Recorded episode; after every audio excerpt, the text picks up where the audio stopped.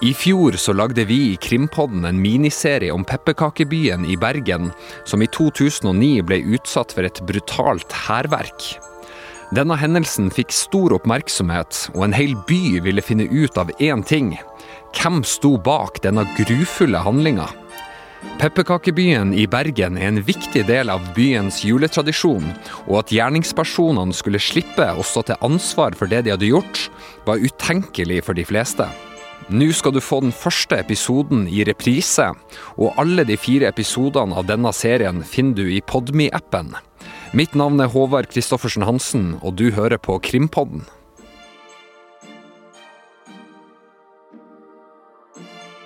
Flere hundre pepperkakehus ble knust. Barn og foreldre trodde nesten ikke sine egne øyne da de kom til stedet i dag.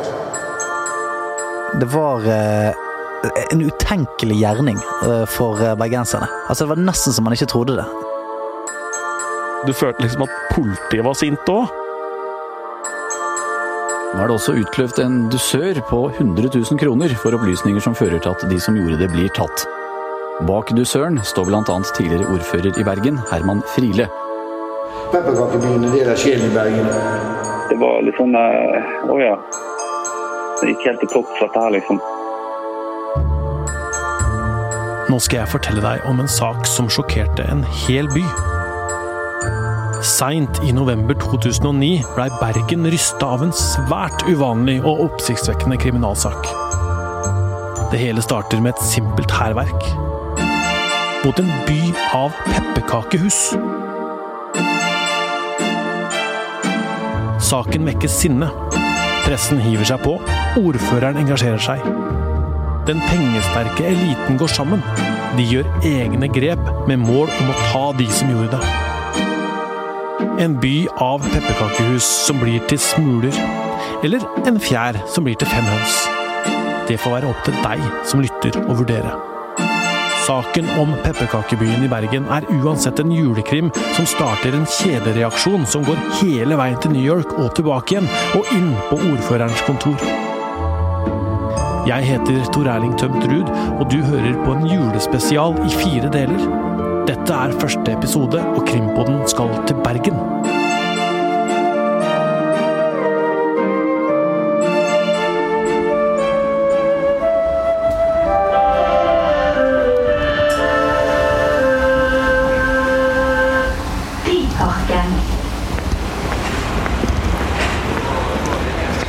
Så det er her åstedet er. Ja, eller rett her oppe. Ja. Nå er vi på Ole Bulls plass.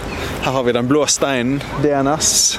Så Pepperkakebyen den lå vel det aktuelle året i 2009 i et telt på Torgallmenningen Ja. her oppe. Vi får gå bort der og se, da. La oss gjøre det. I Bergen møter jeg Kaspar Synnevåg, som hjelper meg å undersøke denne saken. Kaspar har jobba her som reporter i en årrekke, og dette er en sak han aldri har klart å legge helt bak seg. Ikke fordi den er den mest alvorlige saken rent juridisk, men fordi hærverket mot pepperkakehusene utløste en serie ganske merkelige hendelser, og fordi en bølge av sorg og sinne skulle få en hel by til å gå av skaftet, og fordi det fortsatt er mange ubesvarte spørsmål i denne saken. Nå er vi sammen på vei for å se på åstedet der denne historien starta. Hva kan du egentlig si om pepperkakebyen? Pepperkakebyen er en eh, utstilling av pepperkakehus som er hver jul, og på det meste er det opptil 2000 av de. Det er også en slags miniatyrversjon av Bergen. Folk legger masse tid og kjærlighet i utformingen, og lager nøyaktige små replikker av kjente bergenske og også internasjonale landemerker. Altså Du får nesten sånn juleoverdose når du går inn der, og lukten slår imot deg, og da blir det julestemning. Og ifølge Guinness rekordbok så er den faktisk verdens største. Verdens største pepperkakeby. Ja, verdens største pepperkakeby. Vi er midt i Bergen sentrum, omtrent der man går av flybussen eller ut av en taxi når man har flydd til byen. For dette er, dette er det store torvet, da. For hvis du går her, da, så dette er sånn typisk vei å gå hjem fra byen, da, ikke sant? Ja. Eller eh, hvis du har vært et eller annet sted i Bergen, så kan du gå rett over her. Så lå det vel eh, sikkert på utsida her. Vi skal tilbake til en novembernatt i 2009. Det er klassisk bergensvær. Ti grader og regn i lufta. Vi kan også regne med at Torgallmenningen, hjertet i Bergen sentrum, er full av glade mennesker på vei hjem fra julebord og andre festligheter. Midt på plassen, inni en teltlignende konstruksjon, står pepperkakebyen snart klar til åpning. Klementinene er modne, julebrusen ligger på kjøl, og tusenvis av barn sover forventningsfulle for adventstida, jula og alt som skal komme. Kaspar, hva var det som var spesielt med denne byen som ble bygga opp i 2009? Vi vet at de som hvert år lager pepperkakebyen, de jobbet på spreng for å få den ferdig. Akkurat denne perioden var spesielt krevende for dem, fordi de i to år var blitt kastet ut fra sine faste lokaler i kjøpesenteret Galleriet pga. rehabilitering. Så det er derfor altså, denne byen ble bygget det, i dette teltet da, midt på plassen her? Nettopp. Byen eh, blir laget av pepperkakehus pyntet av barn fra hele byen, samt av profesjonelle pepperkakebakere. Og i november så blir alle disse husene levert. Og da er jobben å plassere de ut og bygge utstillingen i tide til åpningen.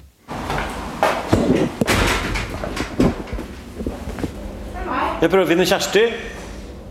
Hun er inne. Hun er inne. Hvor går jeg da? Du kan gå inn den veien her. Ja. Her lukta det godt. Ju- Julelukt. Her er det jul.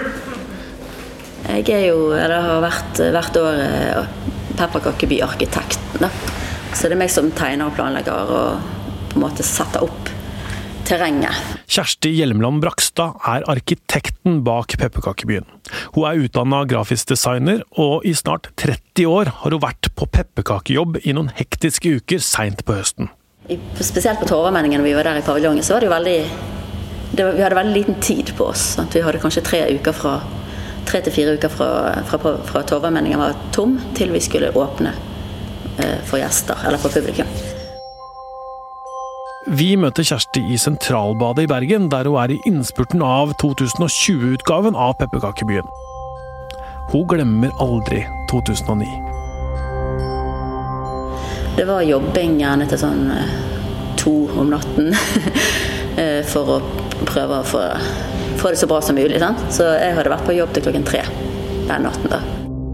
Kjersti jobber altså inne i den store paviljongen på Torgallmenningen. Mens hun justerer på hustak, tegner opp gater og plasserer ut pepperkakemenn i miniatyrbyen, syder det i den ekte byen utafor teltveggen. I gatene rundt Kjersti er det restauranter, puber og nattklubber fulle av mennesker. Låtene som toppa VG-lista denne uka, var eh, Bad Romance av Lady Gaga og I've Got A Feeling med Black Eyed Peas. For det var jo helg, så det var jo livlig på utsiden av eh, paviljongen. Det var det jo ofte på kveldene, da. Den, den kvelden òg, da. Så du hørte jo at folk var i godt humør på utsiden. Eh, Ja, vi hadde vel satt på plass rundt 200-300 hus den dagen. Og lag- begynte å lage hager og parker og gjerder og trapper og liksom alt sånt. Så eh, det var vel sistemann som gikk, da. I tretiden på natten. Da Kjersti forlot teltet natt til søndag 22.11, skulle hun bli den siste til å se den julepynta, nesten ferdige pepperkakebyen i sin fulle prakt. Så eh, jeg gikk hjem i tretiden, og så litt over syv så ringte telefonen, og da var, da var det Steinar som ringte og sa at eh, du må komme ned, det er, nå er det Her er det skjedd litt. Også Steinar Kristoffersen har vært med fra starten. Vi er på vei til kontoret hans nå. Eh, I Bergen så er han kjent som selve pepperkakegeneralen, Kasper. Ja, Vi kan egentlig nesten kalle han kongen av Bergen sentrum. Han er en som kjenner absolutt alle som har vært å kjenne i Bergen. Og så er han primus motor bak hele Pepperkakeby-prosjektet. Fantastisk eh, hus og utsikt, da. Ja da, det er jo det. Passer bra for oss. Og så har du en av byens fineste heiser. Ja. Med litt sånn svak aroma av sigar. ja. Nede i tredje der er det jo sånne her eh, skap i veggene. Der man hadde sigarene og eh, konjakken sin. Altså kjøpmennene før i tiden. da. Yes, Men er det det vi skal snakke om? Nei. Men uh... Nei, det er ikke det vi er her for å snakke om. Vi skal tilbake til en novembermorgen i 2009. Nei, det var jo en, søndag morgen. Midt i den travleste pepperkaketiden, rett før vi skulle åpne. egentlig, var jo en uke før vi skulle åpne egentlig dette skjedde. Og da var jo jeg tidlig oppe. Da er det mye jobbing. Og jeg var oppe i syvtiden en søndag, bare et par hundre meter fra der som denne paviljongen var på Torgallmenningen. Og på vei ned, og, og så, ringer, så, ringer, han tømreren meg, snekkeren som var eh, Han var tidlig på henne på en søndag. Og så sier han at eh, Du eh, tror du må komme ned her? Eh, ja, jeg er på vei ned. Jeg søker da. Nei, her ser det ikke ut, sier han. Vel. Ok, jeg er på vei. Og så Jeg kunne liksom ikke tenke meg hva jeg så når jeg liksom kom inn der, da. Det som møtte Steinar i teltet midt i byen, og Kjersti da hun skulle komme litt seinere, det var et syn de aldri skulle glemme.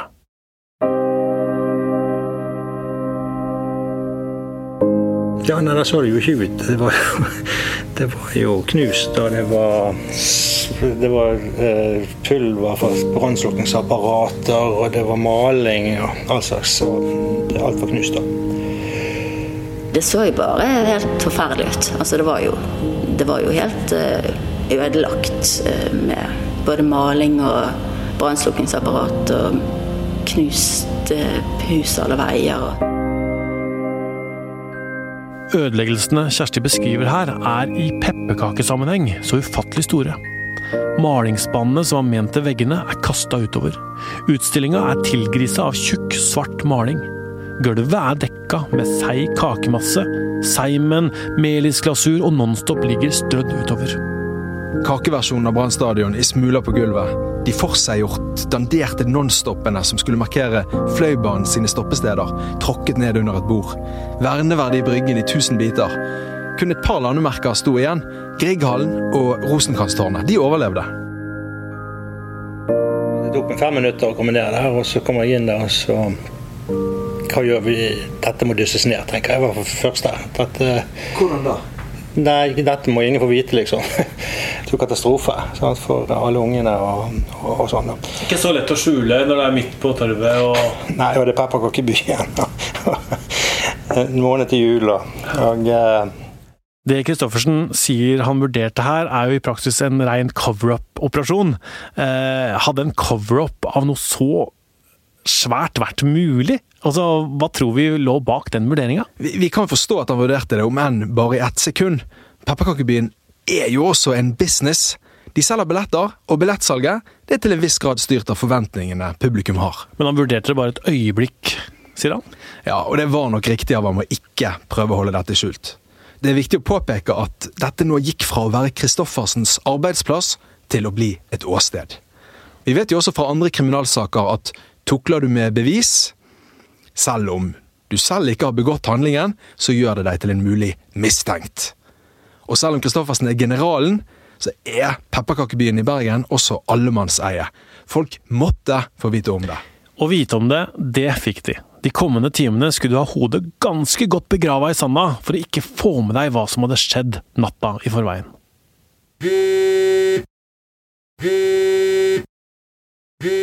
Det hendte jo at jeg fikk telefoner, men det var stort sett liksom fra redaktøren og sånn, hvis vi hadde gjort et eller annet dumt eller noe bra. Uh, ofte noe dumt.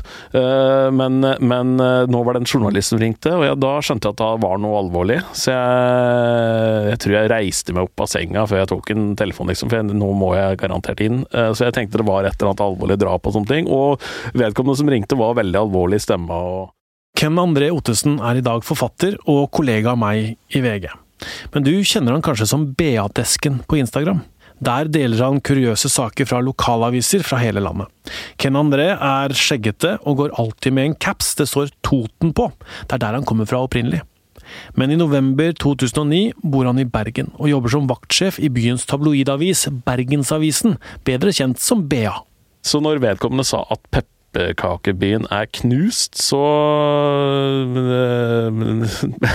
ble jeg nesten litt sånn fnisete. For jeg er jo østlending, og jeg, jeg tok ikke helt innover meg hvor viktig dette her var. Men, men, jeg skjønte jo Det gikk jo brått opp for meg at dette er jo en kjempesak. Veldig svært. Så jeg satte meg i bilen og dro rett innover til jobb, og var på jobb i løpet av et kvarter, tenker jeg. Og da begynte jeg vel, sånn, i hvert fall sånn som jeg husker det, å, å kalle inn folk. Jeg skjønte at her må vi ha flere alle mann på jobb. Um, Hvordan jobber journalistene da? Uh, nei, da jobber du bredt. Uh, da er det jo Noen har jo gjort dette her, så klart. Uh, så der er det jo en slags jakt. Og så er det jo noen som er ramma her. Du må jo få tak i noen der som er lei seg. Og så er det jo generelt bergensere. Lynsjestemning i hele byen, på en måte. Hvordan merka dere den stemningen den søndagen? Nei, det var jo øh, ekstremt mye ringing inn til avisa. Det var jo stor trafikk på nett, så klart. Politiet var øh, jeg husker de var sånn ordentlig får, altså Jeg skal ikke si at de var uprofesjonelle heller, for det hadde jeg på en måte ikke noe inntrykk av. Men de var nesten sånn eh, Du følte liksom at politiet var sint òg. Eh, vanligvis er politiet litt sånn Nei, vi må se litt hva som har skjedd, og bla, bla, bla. Men de bare gassa på og langa ut med personkarakteristikker av vedkommende som hadde gjort dette her og sånn. Men da visste vi jo ikke helt om det var mange eller ofre i all verden eller noen som har gjort det her og sånn. Kaspar, her er altså det, en av de første artiklene som ble publisert på nett den morgenen. Ja, den er fra Kens Avis, BA, og lagt ut allerede klokken 9.30 på søndagsmorgen. Hva er det politiet sier her? Ja, her, her er et sitat fra en politiførstebetjent som var blant de første på åstedet. Dette er tapere. Som ikke er flinke i verken skole, idrett eller sosialt. De må nærmest være tilbakestående. Dette er gjort for å få oppmerksomhet. Gjerningsmennene klarer ikke å skaffe seg positiv oppmerksomhet. Ved å gjøre dette klarer de å skaffe seg negativ oppmerksomhet. Det er uvanlig at politiet går ut på den måten så tidlig i en etterforskning. De presenterer jo her noen egne teorier om hvem som kunne stått bak. Ja, Politiførstebetjenten presenterer ganske tydelige teorier her som i prinsippet også kan legge føringer for videre etterforskning. Han legger nemlig også til følgende. Dette er utført av sint ungdom, mest sannsynligvis gutter. Ingen jenter kan stå bak noe sånt. Det ser du ikke ofte fra norsk politi, at de nærmest går ut og blinker ut en viss type gjerningsperson eller eh, gjerningspersoner før etterforskninga har kommet i gang. Det er en slags form for eh, profilering, dette er sant, som har vist seg flere ganger å være risikabelt. Men hvis vi skal forfølge tankerekken til politiførstebetjenten, altså gutter versus jenter, hvis vi skal tenke sånn som det, hvem er det egentlig av de to gruppene som er mest glad i å spise kake? Som du kanskje har skjønt, var folk i Bergen i ferd med å bli skikkelig sinna. Noen hadde knust pepperkakebyen deres, og det gjorde dem forbanna. Hva var det egentlig med denne byen av kakehus? Uh, Pepperkakebyen i Bergen Du må nesten bo i Bergen for å skjønne hvor viktig det er. For hvis du, hvis du ikke bor i Bergen, så ser det litt sånn rart ut at en, uh, et miniatyr-Bergen i bakt i pepperkaker skal være så viktig. Den gode julestemningen bergenserne la seg med dagen før, er borte. De våkner opp til en litt annen verden. En verden der tidligere ordfører i Bergen, Herman Friele, mottar beskjeden med sorg.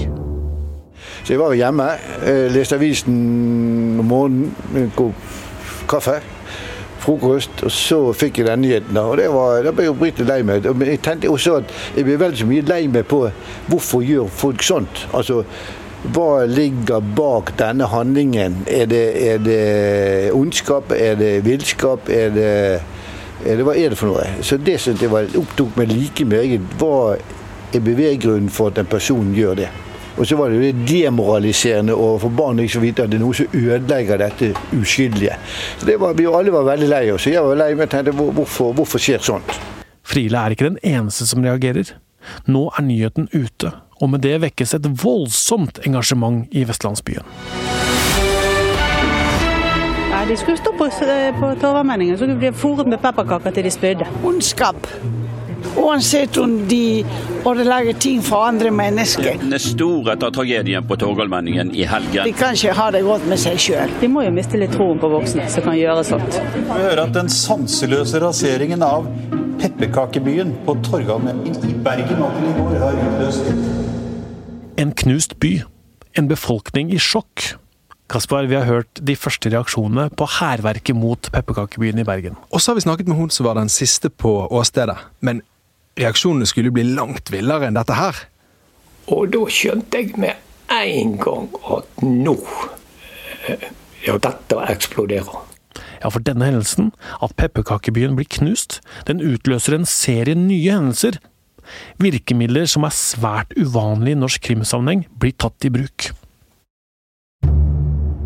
I neste episode skal vi se nærmere på politietterforskningen. Fotavtrykk og sporsikring på åstedet. Og jakten på overvåkningsbilder av ugjerningen. Samtidig vokste bergensernes krav om hevn, og byens rikfolk går sammen med sin egen plan for hvordan gjerningspersonene skal tas. Så, eh, så eh, trommet det sammen noen ideer og diskuterte det som at eh, dette må jo bli tatt. Og i den forbindelse så valgte vi å begynne å, å, å prøve å nøste opp i dette selv. Og nyheten om en knust pepperkakeby går verden rundt. Tonight we go to Norway, where people in the town of Bergen are in shock. Følg med hver torsdag fram til jul, når vi snur hver smule i pepperkakemysteriet.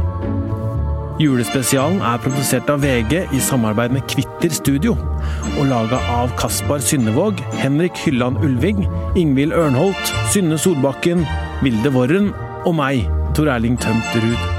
Musikken er laga av Ronny Furuvik og Epidemic Sound. Magne Antonsen har det tekniske ansvaret. I denne episoden har vi spilt lydklipp fra Norgesklasse og Dagsnytt fra NRK Radio, Dagsrevyen på NRK TV, Bergens Tidende nett-TV og amerikanske NBC News.